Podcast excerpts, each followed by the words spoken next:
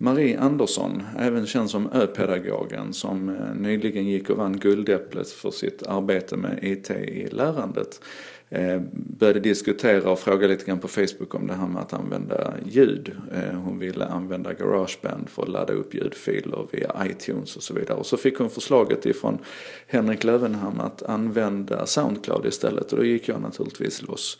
Och sen blev nästa fråga då från Soundcloud hur man skulle kunna publicera in det här enkelt på en blogg eftersom dela-funktionerna i Soundcloud-appen i iPad bara pekar till Facebook och Twitter och Tumblr och så vidare. Om man då har en Wordpress-blogg man vill ha in det på så är man lite fast.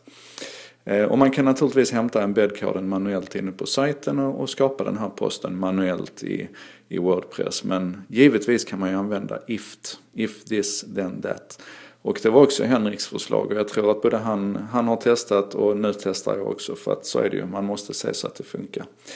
Det här borde landa på jordanberg.se och eh, det är ett test eller en demo eller vad du vill och det kommer en länk till receptet sen om du vill göra det här själv. Heja Soundcloud, heja Wordpress och heja Marie Andersson, eh, pedagogen.